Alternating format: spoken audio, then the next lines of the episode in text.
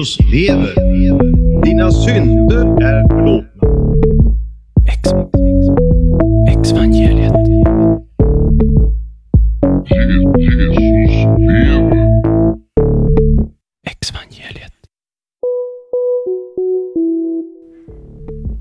Och välkommen till fjärde avsnittet av Exvangeliet. Jag vill börja med att tacka alla som hört av sig till oss med uppmuntrande ord. Det betyder ju jättemycket att veta att det vi gör faktiskt gör skillnad.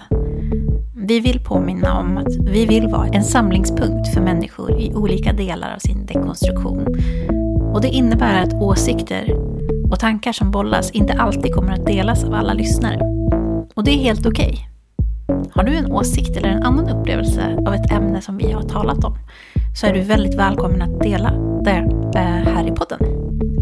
Vi kommer försöka vara så nyanserade vi kan, men eftersom allas upplevelser är så olika kommer nyanseringen ibland upplevas onyanserad. Vi är alla olika, befinner oss på olika platser och har olika upplevelser. Vissa är arga, besvikna och sårade och andra vill visa förståelse och kanske bidra med ett bredare perspektiv. Jag, som är den person som leder arbetet med evangeliet, vet att vi inte kan vara alla till lags. Men vi kan däremot göra ett försök att öppna upp för samtal som utmanar, uppmuntrar och upprör. Eller varför inte starta en egen podcast på ämnet? Det vore ju fantastiskt om vi blev fler som vågar prata om detta läskiga ämne. Den här gången är Anna tillbaka för en fortsättning på förra veckans otroligt stora tema sex och renhetskultur. Jag tycker att vi hoppar rakt in i samtalet. Varsågoda! Human beings with cravings and feelings. Ska vi börja vårt... Skål på det. Skål på det. Vi dricker Okej. kaffe i det här samtalet och därför så kan det sörpla lite. Ja, du har börjat spela in nu alltså? Ja. Ja. Hej och skål. Hej Anna, välkommen igen. Tack. Det känns väldigt kul att vi kör ännu en gång. Ja. Vi kör. Vi kör. För du har ju faktiskt lyssnat på det här samtalet som jag och Magda hade förra veckan. Ja. Och tittat på filmen. Mm. Give me sex Jesus. Mm. Som finns på YouTube för alla er som inte har eh, lyssnat på förra avsnittet och eh, så. Så vet ni det. Men Hur, eh, du har ju också erfarenhet av renhetskultur. Mm. Berätta om det. Ja. Oj, var börjar man då? Du får börja vart du vill. Jag får börja vart jag vill. Ja, nej men som sagt då, ni som har lyssnat på tidigare avsnitt då vet ju att jag är uppvuxen i mormonkyrkan här i Sverige, i en församling söder om Stockholm. Ehm, och den var ju, där var ju liksom, alltså renhet, sexuell renhet var ju liksom en av de centrala grejerna liksom, när man växte upp där. Och jag reflekterade ju inte så mycket kring att det var något konstigt då, när jag var barn. Men nu när jag tittar tillbaka på saker och ting, liksom så med mitt nya perspektiv av att liksom leva på något sätt som ateist i Sverige, så ser jag ju att det är liksom många... Eh, ja, men det är mycket kontroll. Eh, och det är mycket retorik kring sex som inte är baserat liksom på vetenskap och hälso sjukvård till exempel. Utan att det är, det är liksom rätt religiösa uppfattningar som styr samtalet. Och liksom det, man, ska, man ska ju inte ha sex innan man är gift och man får ju bara gifta sig heterosexuellt. Eh, man får inte ta på sig själv som barn. Och sen så är det det här då som... Som barn eller som vuxen. Eh, Som barn eller som vuxen. Nej, inte som någon. Får man göra det när, när man väl är gift? Ja, nej, ja, där råder det väl lite delande meningar. Men nej, det är liksom sex är mellan man och hustru, liksom. Så. Mm. Jag har Ja, sett det- något det- så här örngott som någon har broderat. så det stod så här, sex för dig och mig, inte bara mig, eller något sånt där. Åh, Var det det? Jag Ja. såg, ja, det var någon som hade så. ja, det är som Ja. en självisk handling liksom. Ja, eller att det liksom är på något sätt reserverat för att stärka ett äktenskap. Just det. Punkt. Det är det det är, gjort, det är det det är skapat för. Mm. Och sen har jag förstått att tidigare generationer även hade liksom eh, förbud mot preventivmedel och sånt där. Att man skulle vara öppen för och ta emot alla barn som Gud skickade till en. Ja. Liksom. Ja. Så att det finns ju liksom väldigt många, så i tidigare generationer som sagt, liksom familjer med stora barnaskaror. Och så. Mm. Hur gammal var du när du liksom märkte av det här? För jag kom in inte riktigt. Jag tror att det var i tonåren, yngre tonåring som jag började tänka på sånt här. Ja. Och det är väl kanske inte så konstigt, det är väl då man börjar tänka på sånt. Men just det där att man märkte att det fanns, fanns vissa regler kring eh, sex. Mm. Eller ens kropp. Ja, liksom. alltså det var väldigt tidigt. Eh, jag, jag vet inte riktigt, men alltså jag har, jag har minnen från när jag är liksom 4-5 år. När jag har liksom skam kring min kropp och inte eh, kan prata om den eller inte kan så här, ja, inte vara fri i min kropp. Liksom. Det är jätte, jätteungt. Ja, och jag, vet inte, jag minns inte liksom allting som var runt det, men liksom det, det är mitt första minne av att liksom ha den här känslan av skam kring min kropp och kring alltihopa. Och då, då visste jag inte ens vad sex var så. Men att det fanns liksom jobbiga känslor kring eh, de intima liksom, grejerna av sin kropp. Och jag hade lite, även så här utökat detta till att innefatta min mage. Jag vågade inte prata om min mage här, för att Wow. den var skambelagd på något sätt. Och, Ja. och det, är så, det ser jag ju nu att det är helt sjukt liksom. Men, Och liksom allting under midjan på något sätt. Ja, jag, vet inte, jag vet inte hur jag kopplade det riktigt. Eller så här, jag var- det är ju så länge sedan. Men Ja. det, jag minns den känslan väldigt tydligt. Och liksom det var så här, ja men det här med dockor, Barbie-dockor. nej, Det var, liksom, det var jobbigt där men liksom man skulle klä av dem och så här, att det var... Ja. Det, det var mycket jobbiga känslor kring det hela. Så du har aldrig lekt med en Barbie-docka, en Ken och en Barbie-docka? Nej, nej, Alltså nej. sex. Lägga, kanske. lägga dem på varandra. Ja, nej, det fanns inte. Det fanns inte för mig. Jag var väldigt, alltså, och jag vet inte om det var... Jag, jag, jag upplevde mig liksom inte som hämmad heller, utan det var bara så det var på något sätt. Men jag, jag var väldigt helig, väldigt ren. Ja. Renlig, vad ska jag säga. Enligt det här då. Så att, ja, mm, har, ja, det är intressant med renlighet, eller att vara ren. ja. Att det är smutsigt med sex och ja, kropp. ja liksom. verkligen. Ja. Det är någon slags inre smutsighet. Mm.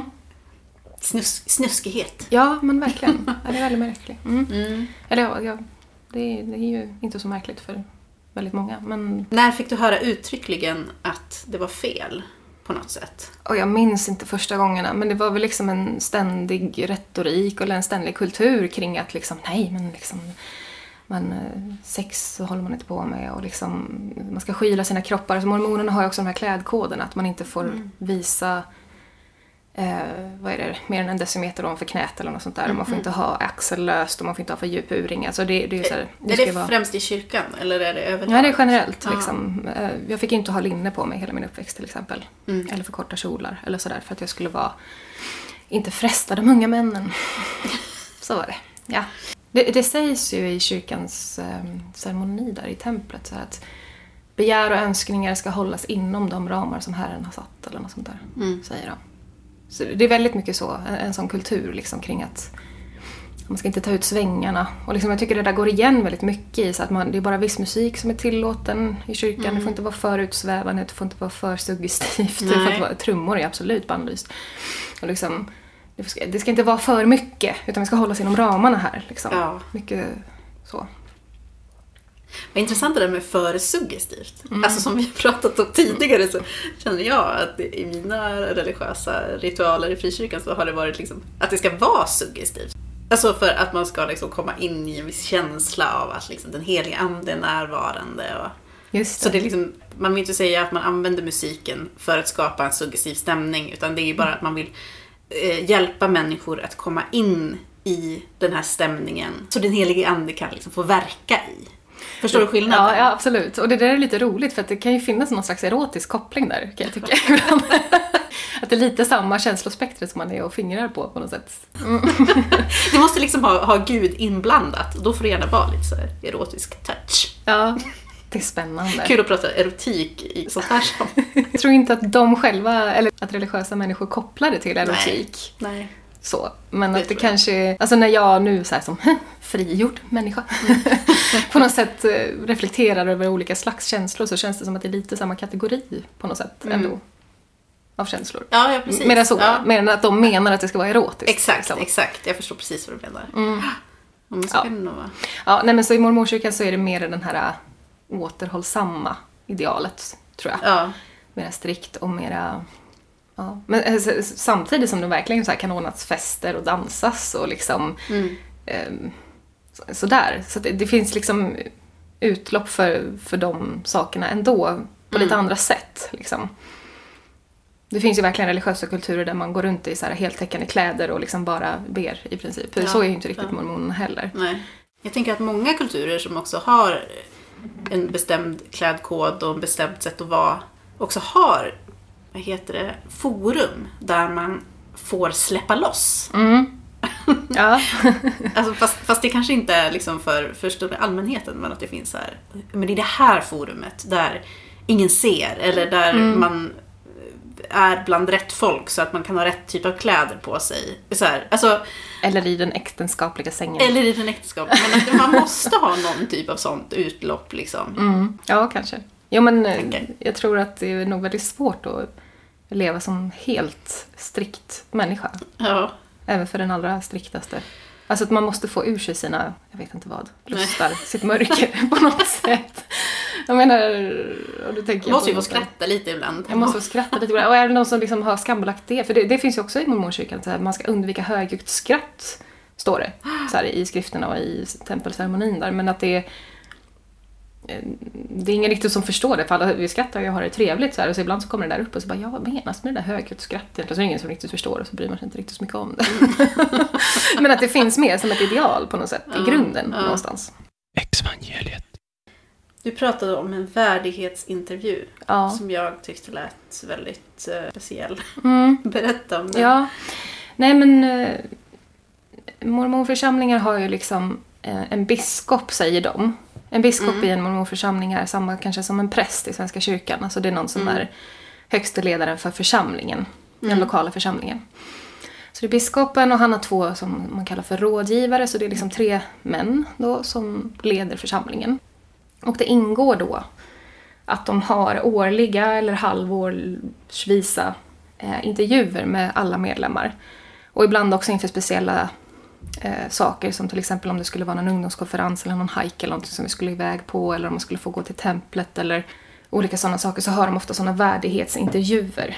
Och då är det helt enkelt att man får sitta ner i ett stängt rum, liksom biskopskontoret. Eh, med någon av de här, antingen med biskopen eller någon av rådgivarna. Och så eh, går de igenom ett frågeformulär egentligen. Och liksom frågar om du lever enligt buden som kyrkan predikar. Liksom, tror du på Gud? Eh, betalar du tionde som man gör som mormon? Alltså en tiondel av sin inkomst. Ja. Eh, eller det är lite olika tolkning på Ja, vad det där tionde det är. är Men, ja. tionde. Ja.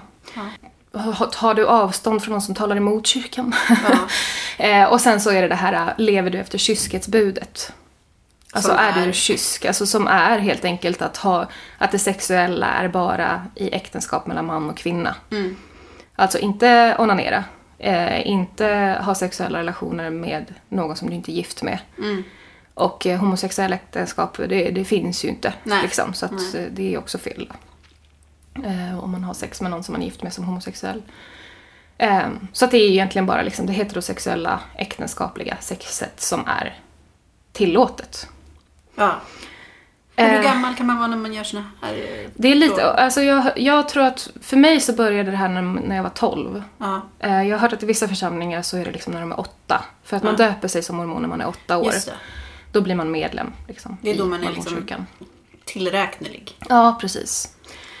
Eh, Och vad betyder tillräklig? tillräckligt, alltså att man, är, man anses liksom tillräckligt vuxen för att fatta bra beslut. Typ. Eller Mm. alltså att man kan leva, välja, välja Kristus, liksom, välja Så att leva man tar, Kristus. tar man liksom ansvar, är det då man tar ansvar för sina egna synder på något sätt? Ja, Ja. något sånt.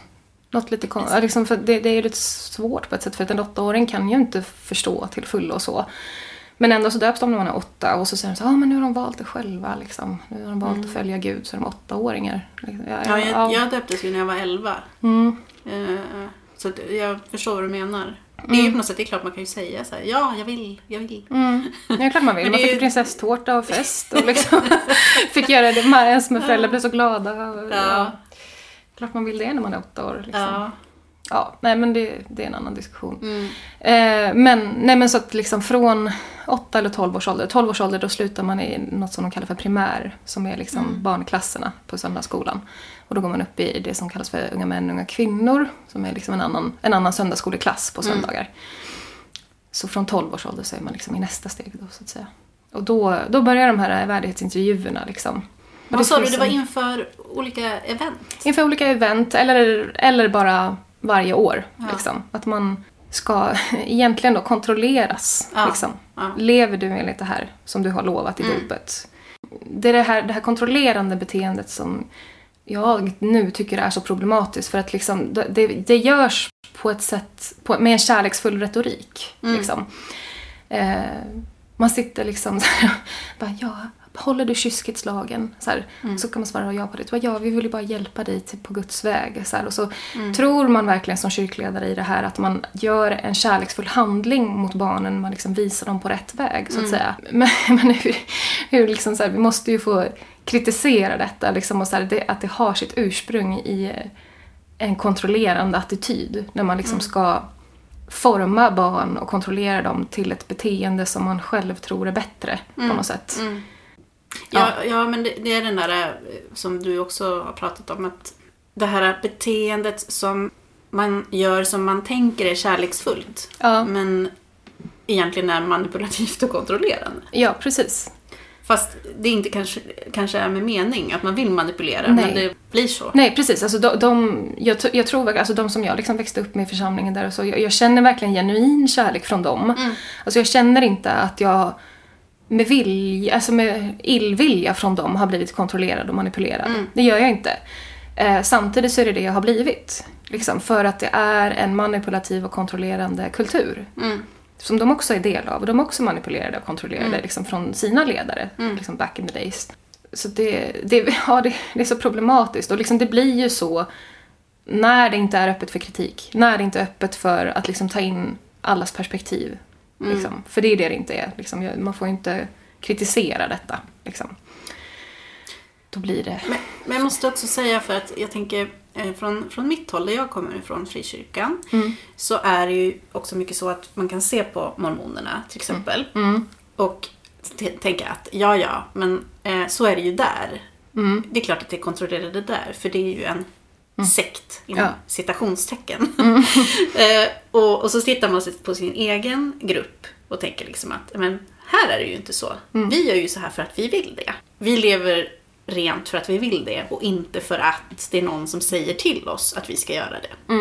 Och jag tror att det är ett stort misstag att tänka så. Man måste kunna vara medveten om att även om det inte är kontroll på samma sätt som kanske du berättar om, så finns det ju liksom en underliggande kontroll av människors känslor och vilja att göra rätt, både inför Gud och för andra. Så jag tror det är jätteviktigt eh, att bredda det här liksom, synen på hur man pratar om sex och relationer. Och när man säger till en ungdom eller ett barn, kanske en ungdom då i mitt fall, att eh, som den här grejen att eh, har du sex med flera personer?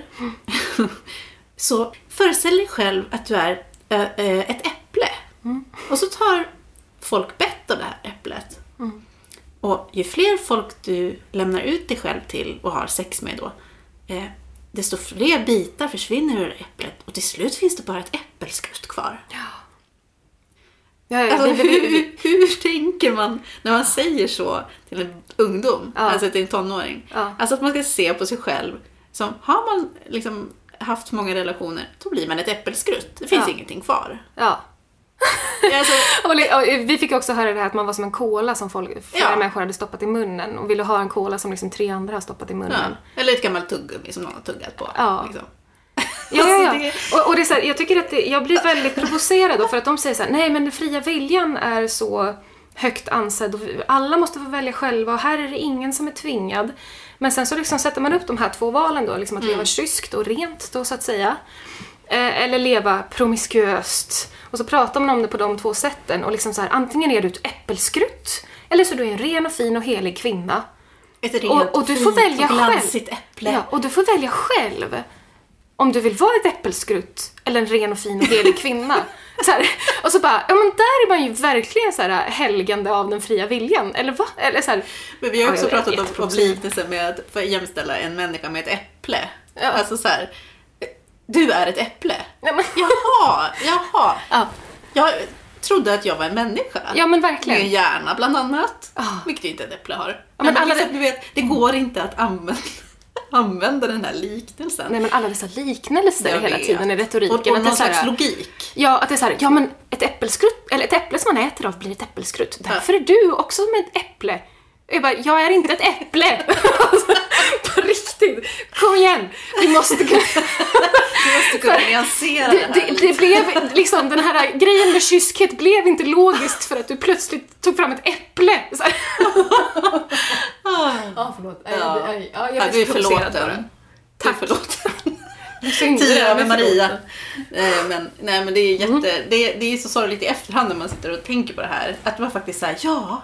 Tänk, alltså jag minns att jag var så här, jag vill inte få ett äppelskrutt. Nej men liksom, jag vill inte vara... Precis. Och, och liksom, jag, jag minns eh, när jag var i sena tonåren någonstans. Så träffade jag en kille och vi var ute en kväll och så kysstes vi liksom. Och det var, ja men du vet, lite trevligt. så. Och, liksom, och hur jag hade så mycket religiös ångest för det här efteråt, Ja. dagen efter. Och jag, du vet, jag bad, jag var på knä och jag bad och jag bara, liksom så här, ville be om förlåtelse. Eller liksom att det var så här, det var som att jag så skulle känna den här skammen kring det här. Men liksom när jag gick in i mig själv och så här, verkligen så här, kontemplerade och liksom var på knä i bön till Gud liksom, och så, här, så kände jag bara så här. Jag känner inte att det här är fel. Alltså Ja. jag känner inte att jag har gjort något fel. Jag vet så här, att all min så religiösa conditioning, eller vad det heter, vad heter det? Religiösa skolning Ja. skambelägger det här jag precis har gjort. Liksom, för att så här, your cases are like diamonds och allt vad man fick höra. ja. Men hur jag liksom i djupet av mig själv bara kände så här, jag känner inte att det här är fel. Alltså jag, tänk, jag har inte dåligt samvete för det här. Nej, jag, jag kan relatera till där så mycket Mm. i det där. För nu, när jag hade, som jag pratade om i förra avsnittet, men jag, jag var tillsammans med min första kille. Mm. Och jag hade alla de här tankarna om hur det skulle vara, hur jag skulle bete mig, Mm. vad som var rätt, hur jag skulle kunna behålla mig själv ren. Och så, så liksom när vi på något sätt, jag och min kille då kanske gick över en gräns. Man kanske kysstes, man kanske gjorde andra saker. Så liksom var det den här dubbelheten av att liksom skam, skam, skam, skam, skam. Men ändå det här, fast egentligen så tycker inte jag att jag har gjort någonting fel. Nej. Men det var ändå skam. Och jag var så ensam i det här. Jag hade liksom ingen jag kunde prata med om det. Det var liksom... För att jag visste inte hur jag skulle kunna... Förstår du? Jag fick inte ens ordning på mina egna tankar och känslor Nej. kring det. Nej. Och, och någonstans också att känna sig så här befläckad. Jag så här, just det, det fanns ju den här den här bilden av att jag ska vara ren och liksom o, orörd. Liksom. Och så, så har man liksom befläckat sig själv. Ja. Eh, nu är man inte längre den här eh, som man trodde, tänkte att man skulle bli. Så det är lite kört liksom. Ja men aha. Och då, ja men just det, men då kan vi gifta oss. Ja men då är det liksom. Ja, men, för att jag liksom ska vara den här personen då, den här rena personen och bara vara nära en person i hela mitt liv. Så måste jag välja den här då personen som jag liksom har typ gjort lite med. så, Ja. det där, men i alla fall den där dubbelheten av att det känns bra för mig personligen, liksom, rätt och, och liksom ingen ångest så. Men det känns så fel i den här personen som är min religiösa person. ja. Och man har konflikt med sig själv egentligen. Otrolig konflikt. Ja. Och väldigt mycket ångest i det där. Alltså, Ja. så här, väldigt mycket alltså, grogrund för psykisk ohälsa i det Ja, där. ja, För mig själv och för de runt omkring mig. Liksom. Att det var otroligt mycket onödigt lidande kopplat till detta. mm, Det, och det gör mig upprörd alltså. Det är därför jag vill, liksom, det, vi måste prata om det här. För jag tycker inte det är okej att man, att man får unga människor att känna så här om sig själva. Alltså. Det, men, men eh, tänker du att det finns någonting positivt med renhetskultur? Ja, det där, det där var lite roligt faktiskt. Jag tittade på den här dokumentären med en kompis liksom, som ändå ville så provocera då lite grann, som inte kommer från den här renhetskulturen. Bara, men, vad, men om jag ska provocera lite då, så finns det inte någonting som är bra med det här. Och, eh, alltså, jag kan se, alltså så här, historiskt, liksom i en förindustriell tid, när vi inte hade liksom sjukvård, terapi, mödravård, barnavård, liksom allt sånt där. När, när allt det där inte fanns, eh, så är det självklart att det var väldigt mycket lättare att inte hålla på och ha sex. Därför att det är väldigt mycket som kommer med sex. Det kommer liksom könssjukdomar, det kommer barn, det kommer kärlek, det kommer brustna hjärtan, det kommer övergrepp ofta. Liksom. Alltså det, väldigt, det finns väldigt mycket problem som kan kopplas till detta. Eh, och liksom när man inte har andra sätt att handskas med det, då är det självklart att det blir lättare att liksom så här, inte hålla på med sex. Mm. Men liksom om man tittar på hur vi lever idag, när vi har sjukvård som är helt fantastisk. Liksom. Vad är det? Jag har hört att 50% av de som föder barn utan modern sjukvård dör. Ja. Här, och här i Sverige är det väldigt ovanligt att man dör när man föder barn. Det händer ju fortfarande tyvärr. Men liksom att det är så här, vi, har, vi har en helt otrolig sjukvård nu för tiden.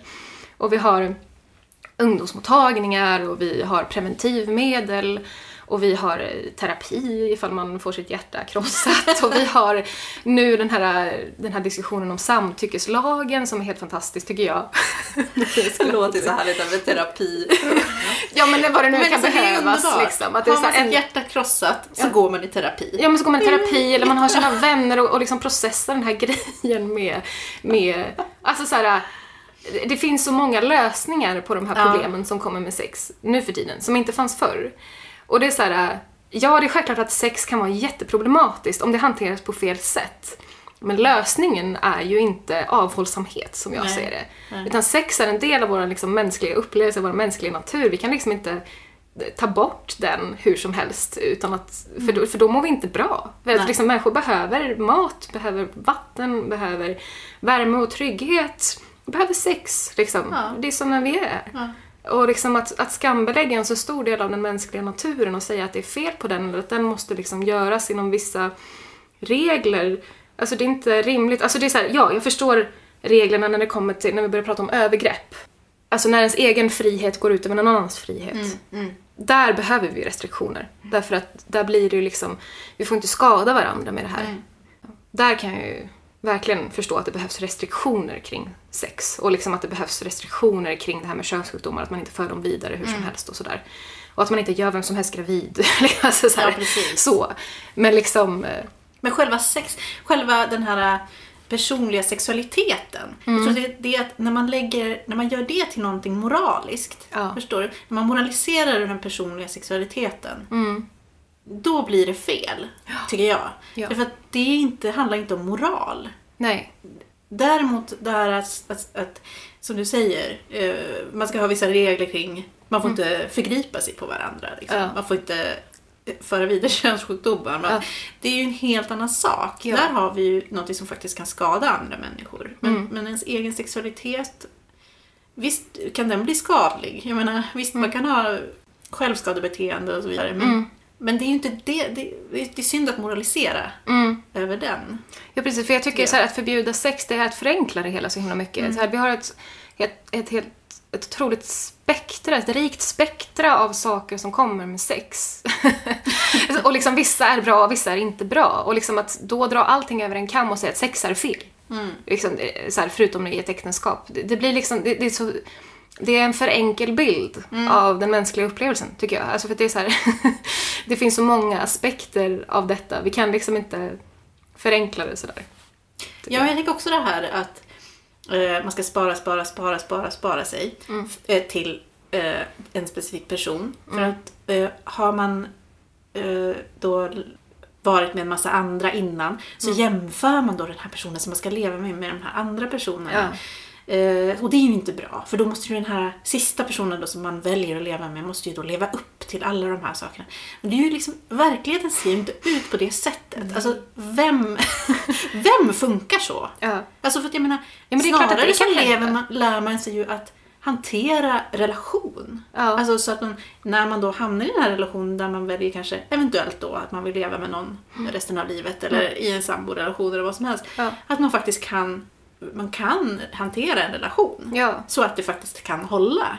Alltså om man ser på det på det sättet så blir det ju ett litet annat perspektiv. Ja, men jag, jag kan inte säga, alltså, när du pratar om det där, liksom att, att det finns, att det där har predikats då, liksom, att man inte ska ha sex med någon för då kommer ens man eller fru då bli jämförd med alla tidigare. Då blir jag såhär, vem, vilket olyckligt äktenskap är det som har resulterat i den här uppfattningen? Ja. liksom? Ja. Vem är det som känner att den inte lever upp till sin partners tidigare partner? Ja. Liksom, Nej, lite det- så. Alltså, så, och det är klart att, att den känslan kan komma. Liksom, att, att det finns Ja. de som har gift sig med någon som de inte var lika sexuellt kompatibla med som någon tidigare relation. Ja visst. Men, men lösningen är fortfarande inte avhållsamhet för världens alla barn. Liksom.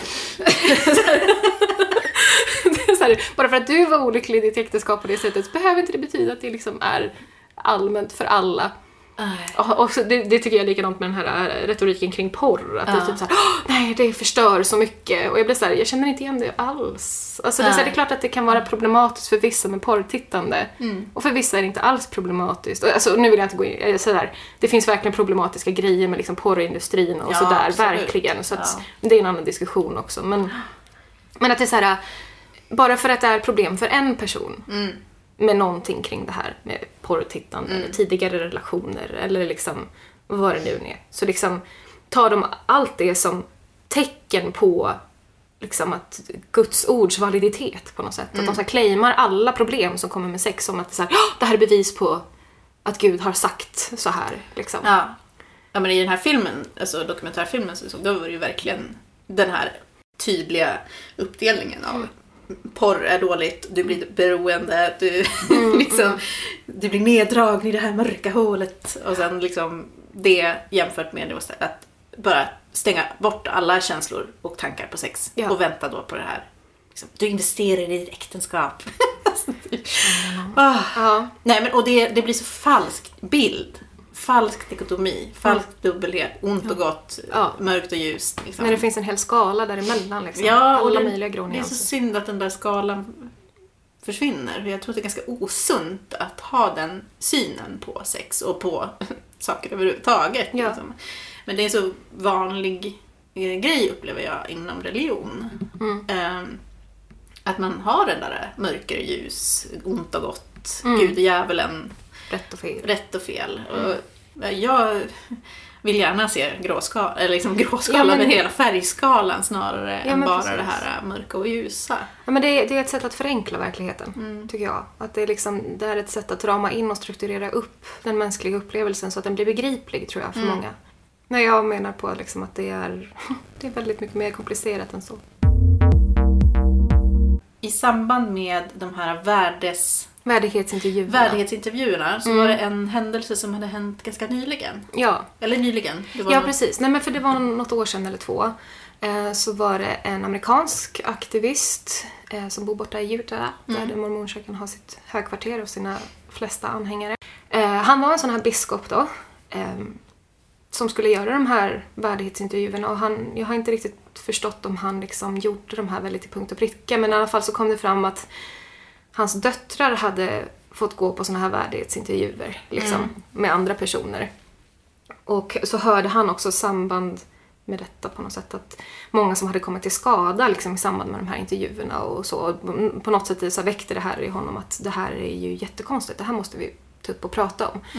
Och då öppnade han någon eh, internetsida där och där man kunde skicka in eh, sina historier ifall man hade varit med om något, någon form av övergrepp eller någonting kopplat till de här värdighetsintervjuerna.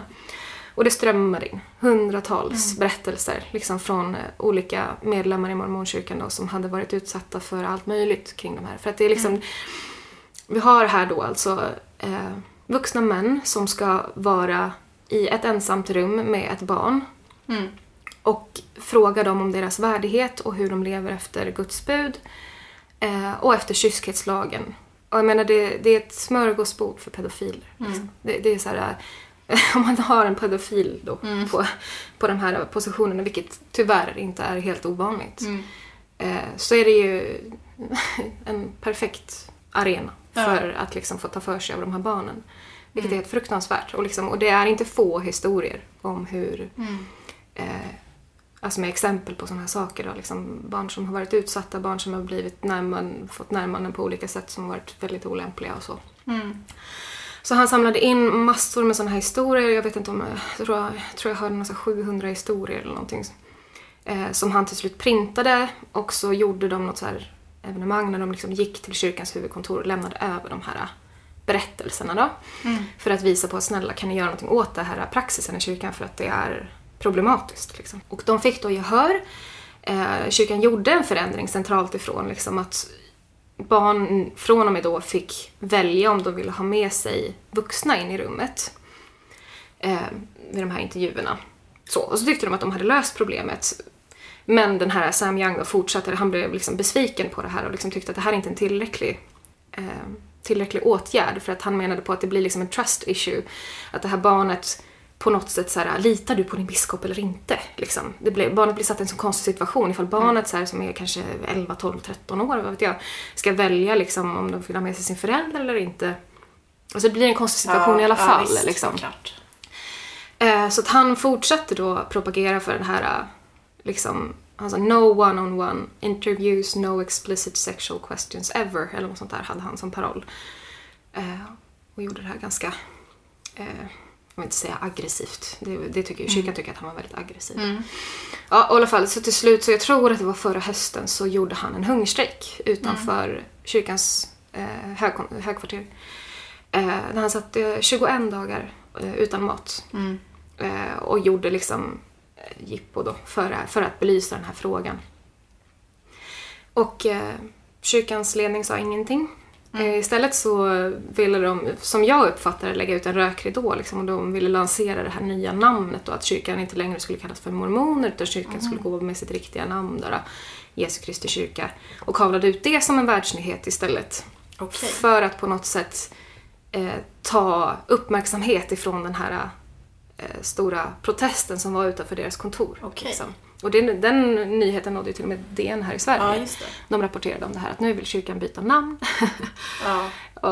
Men du ni- tänker att det blev som en, någon slags rökridå alltså för... Ja, alltså jag vet ju inte hur Nej. beräknande det var Men du- där. du- du jag uppfattade det så. ja, ja. Att det var liksom, här var det en jättestor protest utanför deras kontor Mm. och de bryr sig inte ett dugg liksom, utan skickar ut det här till alla världens medier istället. Liksom.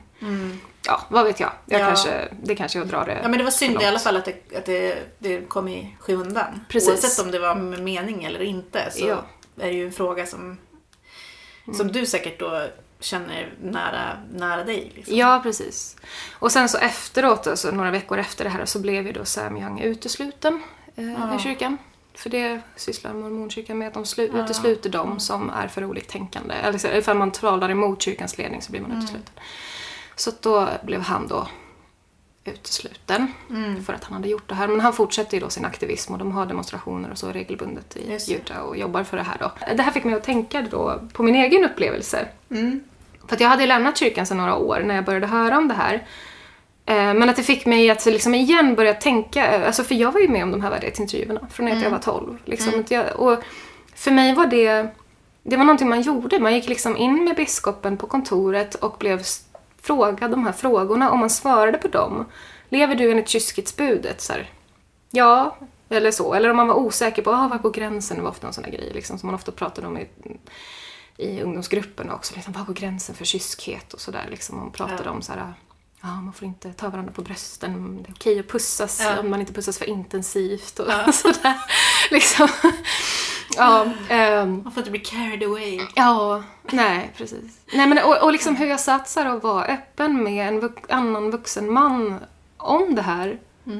Och att det på något sätt var fint av mig. och liksom när, när Sam Young gjorde sitt eh, arbete för det här och liksom jag tittade på det så började jag reflektera över det här och bara, men kära någon, så här, vad, hur har hur har jag varit okej med det här? Och, och jag insåg någonstans att så här, i de här rörelserna, eller i alla fall i den rörelse som jag kommer ifrån, så man förstår inte det här med personlig integritet. Man förstår inte att det är en viktig grej för en människa att få ha vissa saker för sig själv. Utan det som värdesätts är ifall du är helt transparent och liksom öppen med dig själv och liksom kan bjuda in de här kyrkledarna in i ditt allra innersta för att de ska kunna leda dig rätt till Kristus. Då är du ödmjuk och fin eh, och gudfruktig. Liksom. Eh, och att det är så här... Igen, så här, de här kyrkledarna, de, de vill inte mig någonting illa med det här. De, vill inte, de är inte ute efter att kontrollera mig egentligen. Eller de är inte ute efter att vara manipulerande eller kärlekslösa. Liksom. Men de lever i en verklighet där det liksom värdesätts att vara öppen med sitt innersta istället för att ha en personlig integritet och liksom ha kvar sin egen självkänsla på något sätt. Ja. Så det, det är det där jag tycker att man måste, vi måste prata om det här för att det, det liksom är... det, nu när jag har lämnat det här så har jag ju förstått vikten av integritet just. Vikten av att så här, vissa saker ska andra människor inte vara inbjudna i.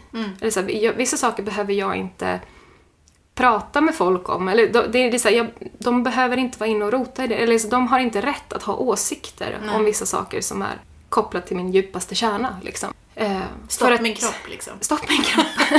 Nej men att, för att det är inte Ja, hälsosamt. mentalt det, är stopp min inte, kropp. det är inte mentalt hälsosamt Nej. att andra människor är så djupt inne i en. Nej. Kanske ifall det är liksom ens närmsta partner eller någonting, att man liksom, Mm. där det råder samtycke och man har liksom ett djupt samtal kontinuerligt inom livet om, om sådana saker. Men liksom att det är så andra auktoritetspersoner som är inbjudna i, i det. Nej, det är Nej. inte... Nej, det, det Ja. säger sig självt på Ja, sätt. ja, men liksom Idag för, för, säger en vanlig, för en vanlig Ja. Mm. sekulariserad svensk så säger det sig självt. Men för personer i de här grupperna så säger det inte sig självt. Liksom för att det är idealiserat Ja. att den här andra grejen då. Ja, precis. Ja, men att man värderar öppenheten mer än integriteten. Ja. Ja, precis. Men man förstår inte ens ordet integritet, Nej. tror jag. Eller jag Nej. förstod inte det i alla fall som medlem i det Nej. här. Nej. Jag, för, jag förstod inte, all, eller jag, jag har funderat över det där ibland. Liksom. Att jag, jag märker i mig själv att jag fortfarande tycker att jag är duktig, typ när jag lyder överordnade det på något sätt. Ja, jag, det där känner jag. Jag har också haft väldigt, väldigt svårt med auktoriteter. Alltså svårt på så vis att även efter att jag lämnade kyrkan så märkte jag att jag hade en väldigt st- stor respekt för auktoritet. ja. Alltså, och det där är något som jag måste så här, frigöra mig själv väldigt mycket från. Ja, nej, jag, jag, Alltså- må, jag fångar fortfarande mig själv i många situationer. Att inte bara så här bocka huvudet och säga ja, Ja, absolut som du säger och så ska jag Ja. vara duktig och följa dig. För att då får jag poäng på något sätt på den här skalan. Exakt, jag har haft jättestora problem med det där. Mm. Verkligen. Och, det, så, så, och just det här att nu när jag är mycket bättre på att hantera sådana där situationer så kan jag känna mig så här jätterebellisk. När jag liksom jag vet, så här, kaxar till mig lite för en chef eller vad som helst. Ja. Att jag känner liksom så här, wow! Ja. Liksom. Ja, Vilken rebell jag är. Ja, men just det där med att vara rebell. Alltså för mig så har det varit så här. Min rebelliska handling har ju varit att, att få vara en vanlig Svensson. att det är så här, när en Svensson ska rebella, då, då kan det gå hejvilt till. Men liksom, när jag ska rebella, då handlar det om att så här, få klä mig i linne och dricka kaffe. Liksom, så här, wow! Och säga nej till chefen. Liksom. Wow. Eller det är lite sorgligt, alltså nu sitter vi och skrattar men det är egentligen ganska hemskt på ett sätt. jätte... Men, men det är lite befriande att skratta åt det för det är ändå så här. Ja, men det är klart vi måste skratta åt det någonstans. Det är ju det, är- det, är som är härligt någonstans att har kommit till en sån på en punkt där man faktiskt kan skratta åt det. Ja. Och liksom någonstans, som sagt det är därför vi kan sitta här och Mm. prata om det här och skratta åt det. När det finns människor som fortfarande liksom lever i det Ja. och är i någon slags process av att komma ur det. Mm. Och det är jätteskönt tror jag för sådana, sådana människor eh, i den processen att höra att man kan hamna på liksom, sidan Man kan där man faktiskt kan skratta åt. Ja, men det, Ja. men det är ju, och det är ju en jätte, jätteviktig, en viktig erfarenhet någonstans. Att så här, ja men okej vi har genomlev, genomgått det här Mm. men, men vi har liksom fått ut någonting bra utav det någonstans. Och det är jättefint.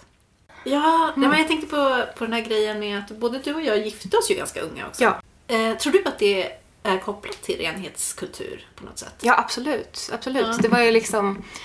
ehm, jag gifte mig när jag var 21. Och jag när jag var 23. Mm. Och Ganska det var, ungt i, i vårt samhälles... Ja, eller jag var Eh, nästan så här, tyckte nästan att jag började bli lite gammal. Ja, faktiskt. Ja. ja. Eller liksom att det var så här, det var fortfarande okej, men det Ja. finns ju en så här, ett gammalt saying så här, från en mormonprofet, och för sig på 1800-talet, men det var så här An unmarried person is a menace to society at age 25. Wow. Och det var någon sån grej som man skrattade åt lite grann i, Ja, kyrkan, men det var ändå så här, det ja. låg ändå där någonstans i grunden, att det var lite så det var. Det där tror jag är fortfarande lite sådär faktiskt. Ja.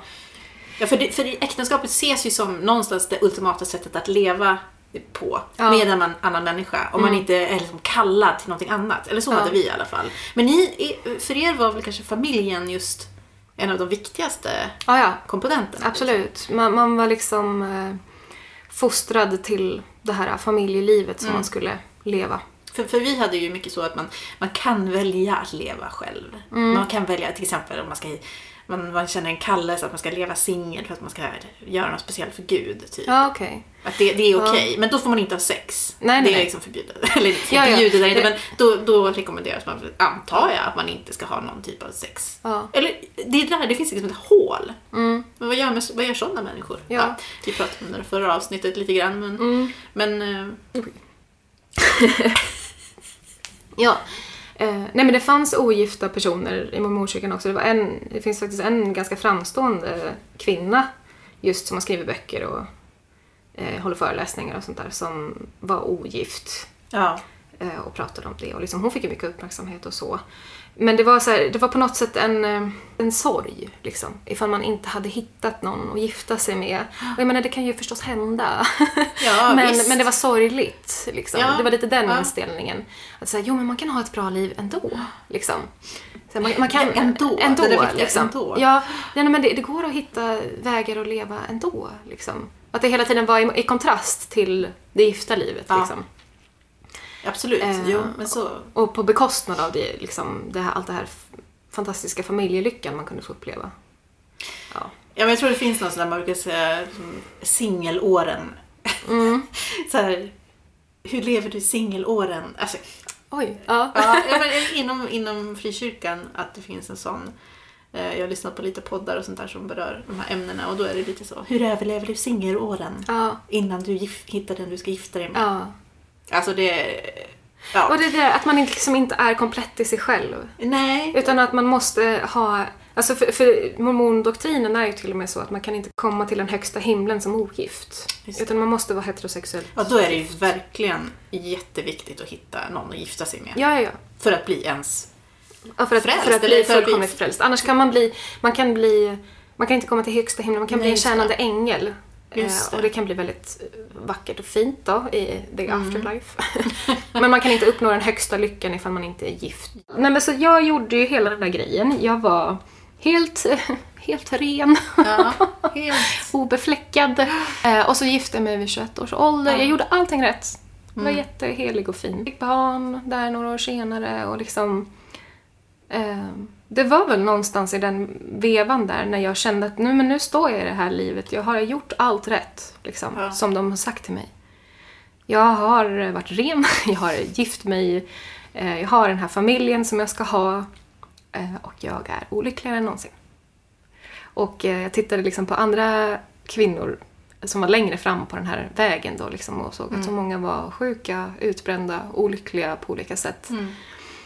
Och bara så här, hur är det här vägen till lycka? Liksom. Ja, det var inte det som var utlovat liksom. Nej, det, det är ju orättvist på något sätt. För att det är, så här, det är självklart att det kan vara jättefint att vara, att vara gift och ha barn. Det finns jättemånga som är jättelyckliga i det. Men att det, det, att det var så himla upphåsat. Att det var så en himla lyckobubbla som liksom målades upp. Att det skulle vara något så här himmelskt, fantastiskt vackert och att... Ja, eh, det blir så orättvist. För att det, liksom, det är ju en, en vardag ändå. Liksom. Och det, och det tycker jag också, och för sig pratades om i kyrkan, att det, är så här, ja, men det är inte alltid lätt att vara gift och sådär. Det, det fanns det, det perspektivet. Ja, visst. Men, men det var inte... Ja, det var ändå inte fritt att välja liksom, att leva singel eller vara sambo. Eller liksom, Nej, absolut inte sambo. Jag menar, då lever man ju i synd. mm. Och sådär. Ja, vi hade också mycket det där. Man ska helst, helst inte flytta ihop innan man är gift. Mm. Alltså det... Eh, för, och- för, för mormoner är det grund för uteslutning. Får man göra. Ja, ja, vi, jag gjorde ju det med, med, med min, mitt ex. Mm. Eh, och, och jag var nog redan inne i någon slags dekonstruktion där så jag tror att jag var lite sådär, äh, det är ju så här verkligen ser ut. Varför ska, vi ha två, varför ska vi ha två lägenheter för om vi ändå ska gifta oss? Och det är så här, om vi ändå är förlovade liksom. Ja. Det är väl lika bra. Så kommer det någon och bara så här, nej men det ska man ju inte göra. Och hur känns det? Och hur tänker du med det? Så, jag bara kände så här, men ah, hello. Liksom. Det Så här ser någon- livet ut. Det hade ändå någon sån där... Ja, men jag tror det, som sagt, det här var ju ändå någon slags... Den här, som jag pratar om det här med att ändå ha upplevt lite relationer och så här. Så här ser verkligheten ut. Ja. Jag tror inte jag hade riktigt den där ändå drömbilden av att så här, så här ska det vara. Liksom. Utan någon slags real, mer realistisk syn på det. Mm. Men sen såklart, det är klart att jag skulle gifta mig. Det var ju liksom... Eh, det var ju det man, man skulle göra när man var tillsammans. Eh, och sen visst, alltså, jag var ju jättekär i honom och sådär. Men sen man kan känna liksom i efterhand att Ja, för nu är ju både du och jag skilda då. Eh, och eh, jag kan känna i efterhand att ehm, jag eh, ångrar absolut ingenting av det. Men jag kan känna också att jag, jag agerade väldigt mycket utifrån vad jag förväntades att göra i min miljö. Att, eh, ja men, eh, jag ska träffa någon. Eh, Vi är tillsammans en, ett antal år. nästa steg är att gifta sig. Mm. Och då gör man ju det liksom. Eh, idag kan jag ju känna att är jag ens en person som vill vara gift?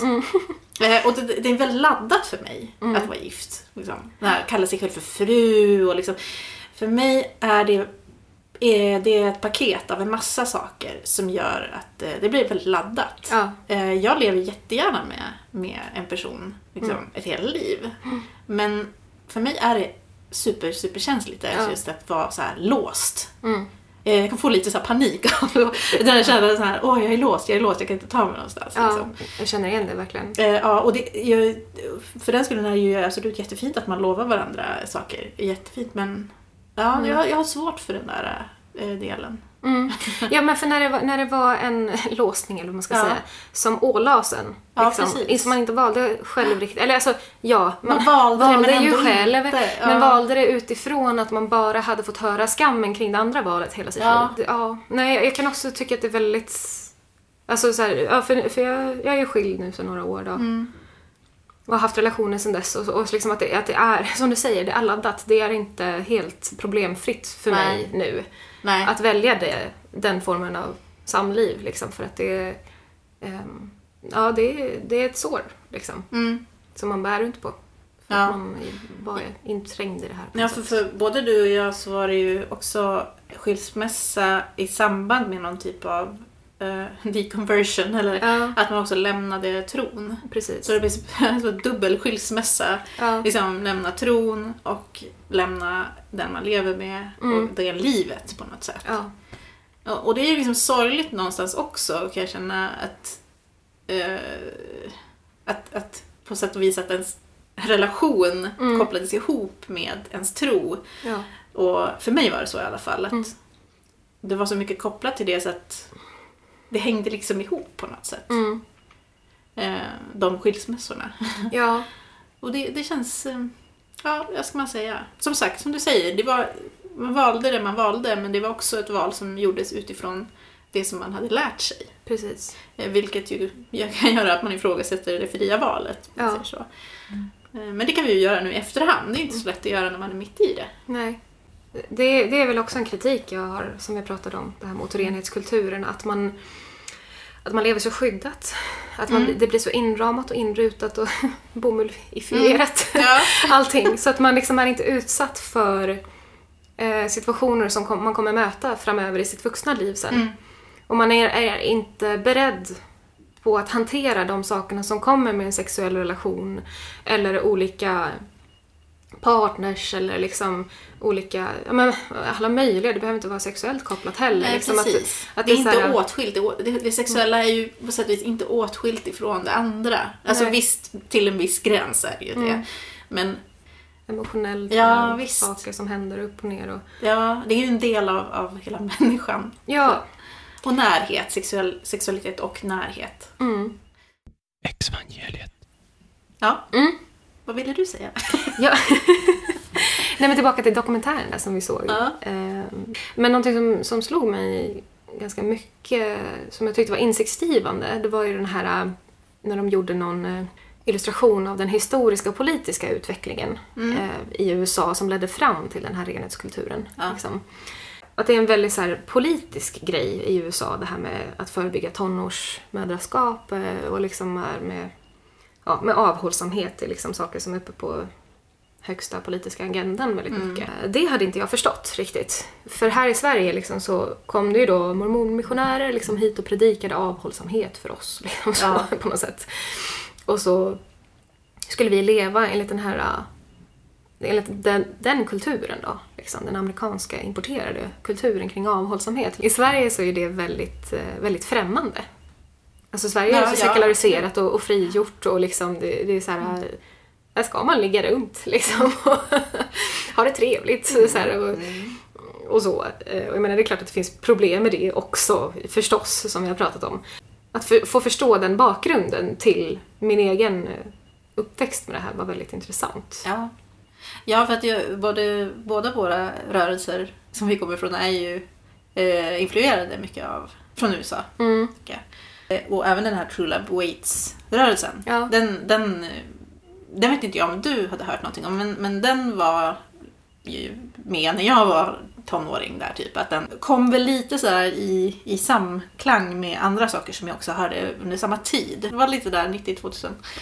Ehm, att det liksom sam, samstämde med varandra på något sätt. Mm. Men det kändes, det känns ju väldigt så amerikanskt influerat. Precis. Nej, vi har, jag var inte i kontakt med den, just den Love Waits-rörelsen som de pratade om.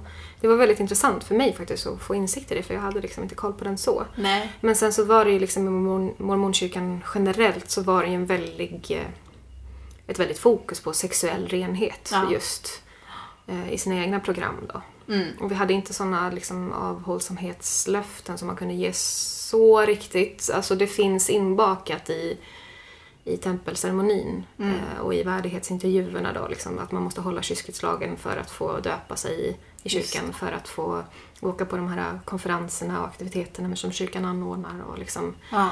eh, kyskhet är liksom en av biljetterna så att säga till, till mormonkyrkan. Alltså så här, tillsammans med mycket annat då.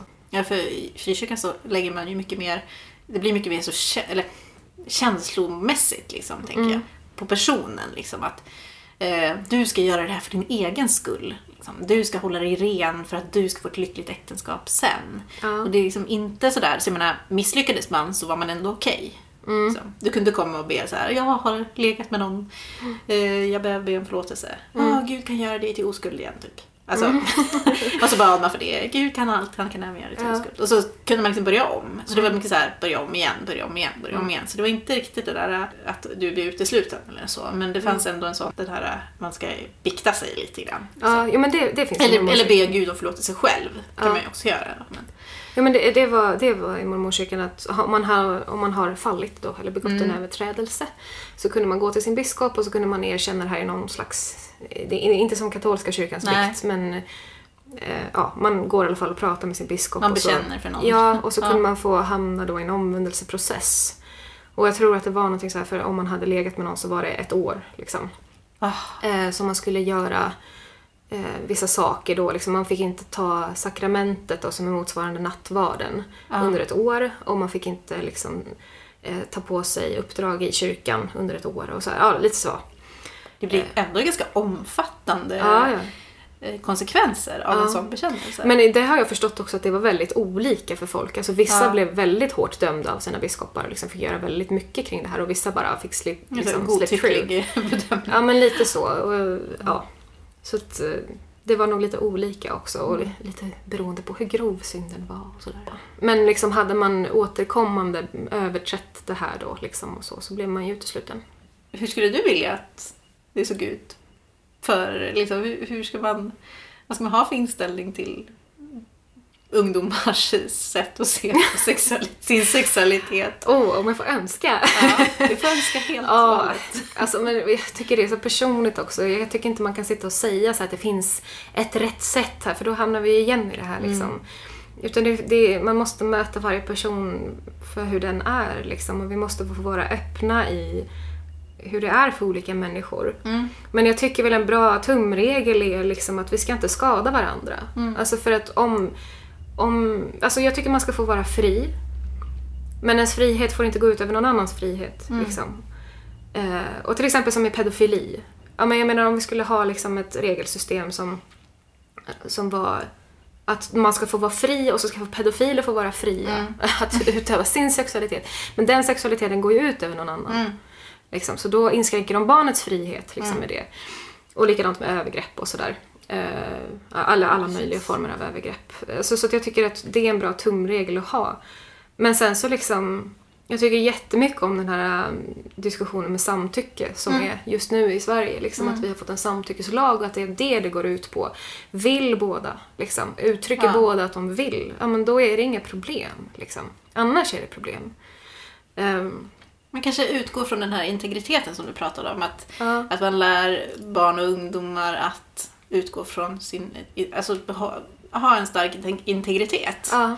Och att det kanske är där man måste börja någonstans. Ja. Inte förbjuda saker och säga att saker är smutsiga och fel. Utan att liksom kunna ha ett öppet, en öppen dialog. Och Mm. att inte vara rädd för att prata om såna här saker. För Ja. att säger man bara att någonting ska vara förbjudet så stänger man, sätter man ju också locket på lite grann. Mm. Då vågar man ju inte fråga liksom, om, om, om intimitet och sex. Mm. Utan det blir någonting som man liksom bara bär inom sig och lägger locket på. på. Ja, eh, verkligen. Att man är öppen och att man är fri att få utgå från sig själv. Att man liksom får känna sina känslor och handla utifrån dem. Liksom att man får vara i kontakt och liksom ha, ja, man ha sin självkänsla intakt. Liksom. Inte, eh, alltså den mänskliga upplevelsen av livet är ju så himla stor på något sätt. Det är så himla mycket vi ska igenom. Och vi behöver vara rustade för det. Liksom. Jag, jag kan känna liksom att min uppväxt i, i den skyddade världen där i mormonförsamlingen på något sätt eh, att jag inte fick körkort för mitt vuxenliv. Ja. Så kan jag känna ibland. Att det var så här att, att jag fick att jag, här, här är jag, den här människan som jag är, jag är en väldigt känslosam människa. Jag har väldigt mycket känslor och tankar åt alla möjliga håll. Liksom. Att jag inte fick vara fri att utforska dem och inte heller blev hjälpt att lära mig hantera det. Så här, Nej. utan det skulle bara ramas in och struktureras upp hela tiden och liksom förbud och nej och hit och dit och liksom att det var så här att jag inte rustades att hantera ett fritt liv. Liksom. Ja, jag kan känna igen mig i det också. Mm. Den där skydd, väldigt skyddat, skyddad värld liksom. Mm. Eh, som, som sagt, det skyddade en från att vara med om mycket otäckheter kanske. Men Ja. någonstans är ju också de här eh, utmaningarna som man ställs inför eh, också något som, som lär en vad man vill kanske. Mm. Alltså, det här vill jag ha, det här vill jag inte ha. Ja. Hur hanterar jag om mitt hjärta blir krossat? Ja. Ja okej, kanske jättejobbigt första gången, kanske jobbigt andra gången. Mm. Jobb kommer alltid vara jobbigt men man, man, man hittar strategier och man lär sig att, att komma över. Mm. Ja, verkligen. Det, det kan man ju fundera på, så här, hur mycket har jag besparats för att jag levde här? Och Kanske, kanske jättemycket. Jag kanske, om man ska hålla sig öppen och kritisk till allting, liksom, så är det så här, ja, det kanske kom något bra med det ändå. Men, ja, jag skulle nog hellre ändå ha valt annan väg portföljen nu.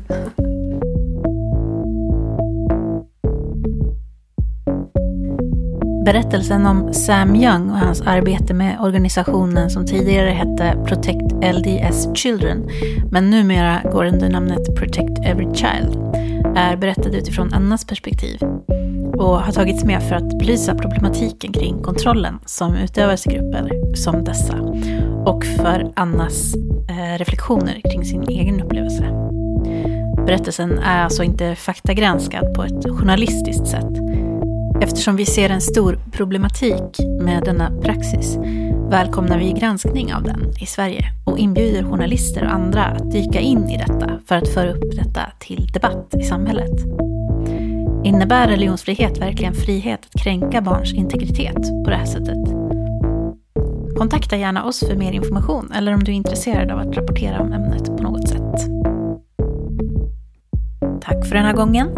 Hör hemskt gärna av er till oss på Facebook och Instagram och besök vår hemsida www.exvangeliet.com. Tills vi ses igen, tyck om dig själv lite extra. Och Exvangeliet är de glada nyheterna för dig som lämnat tron. Hej då! Exvangeliet.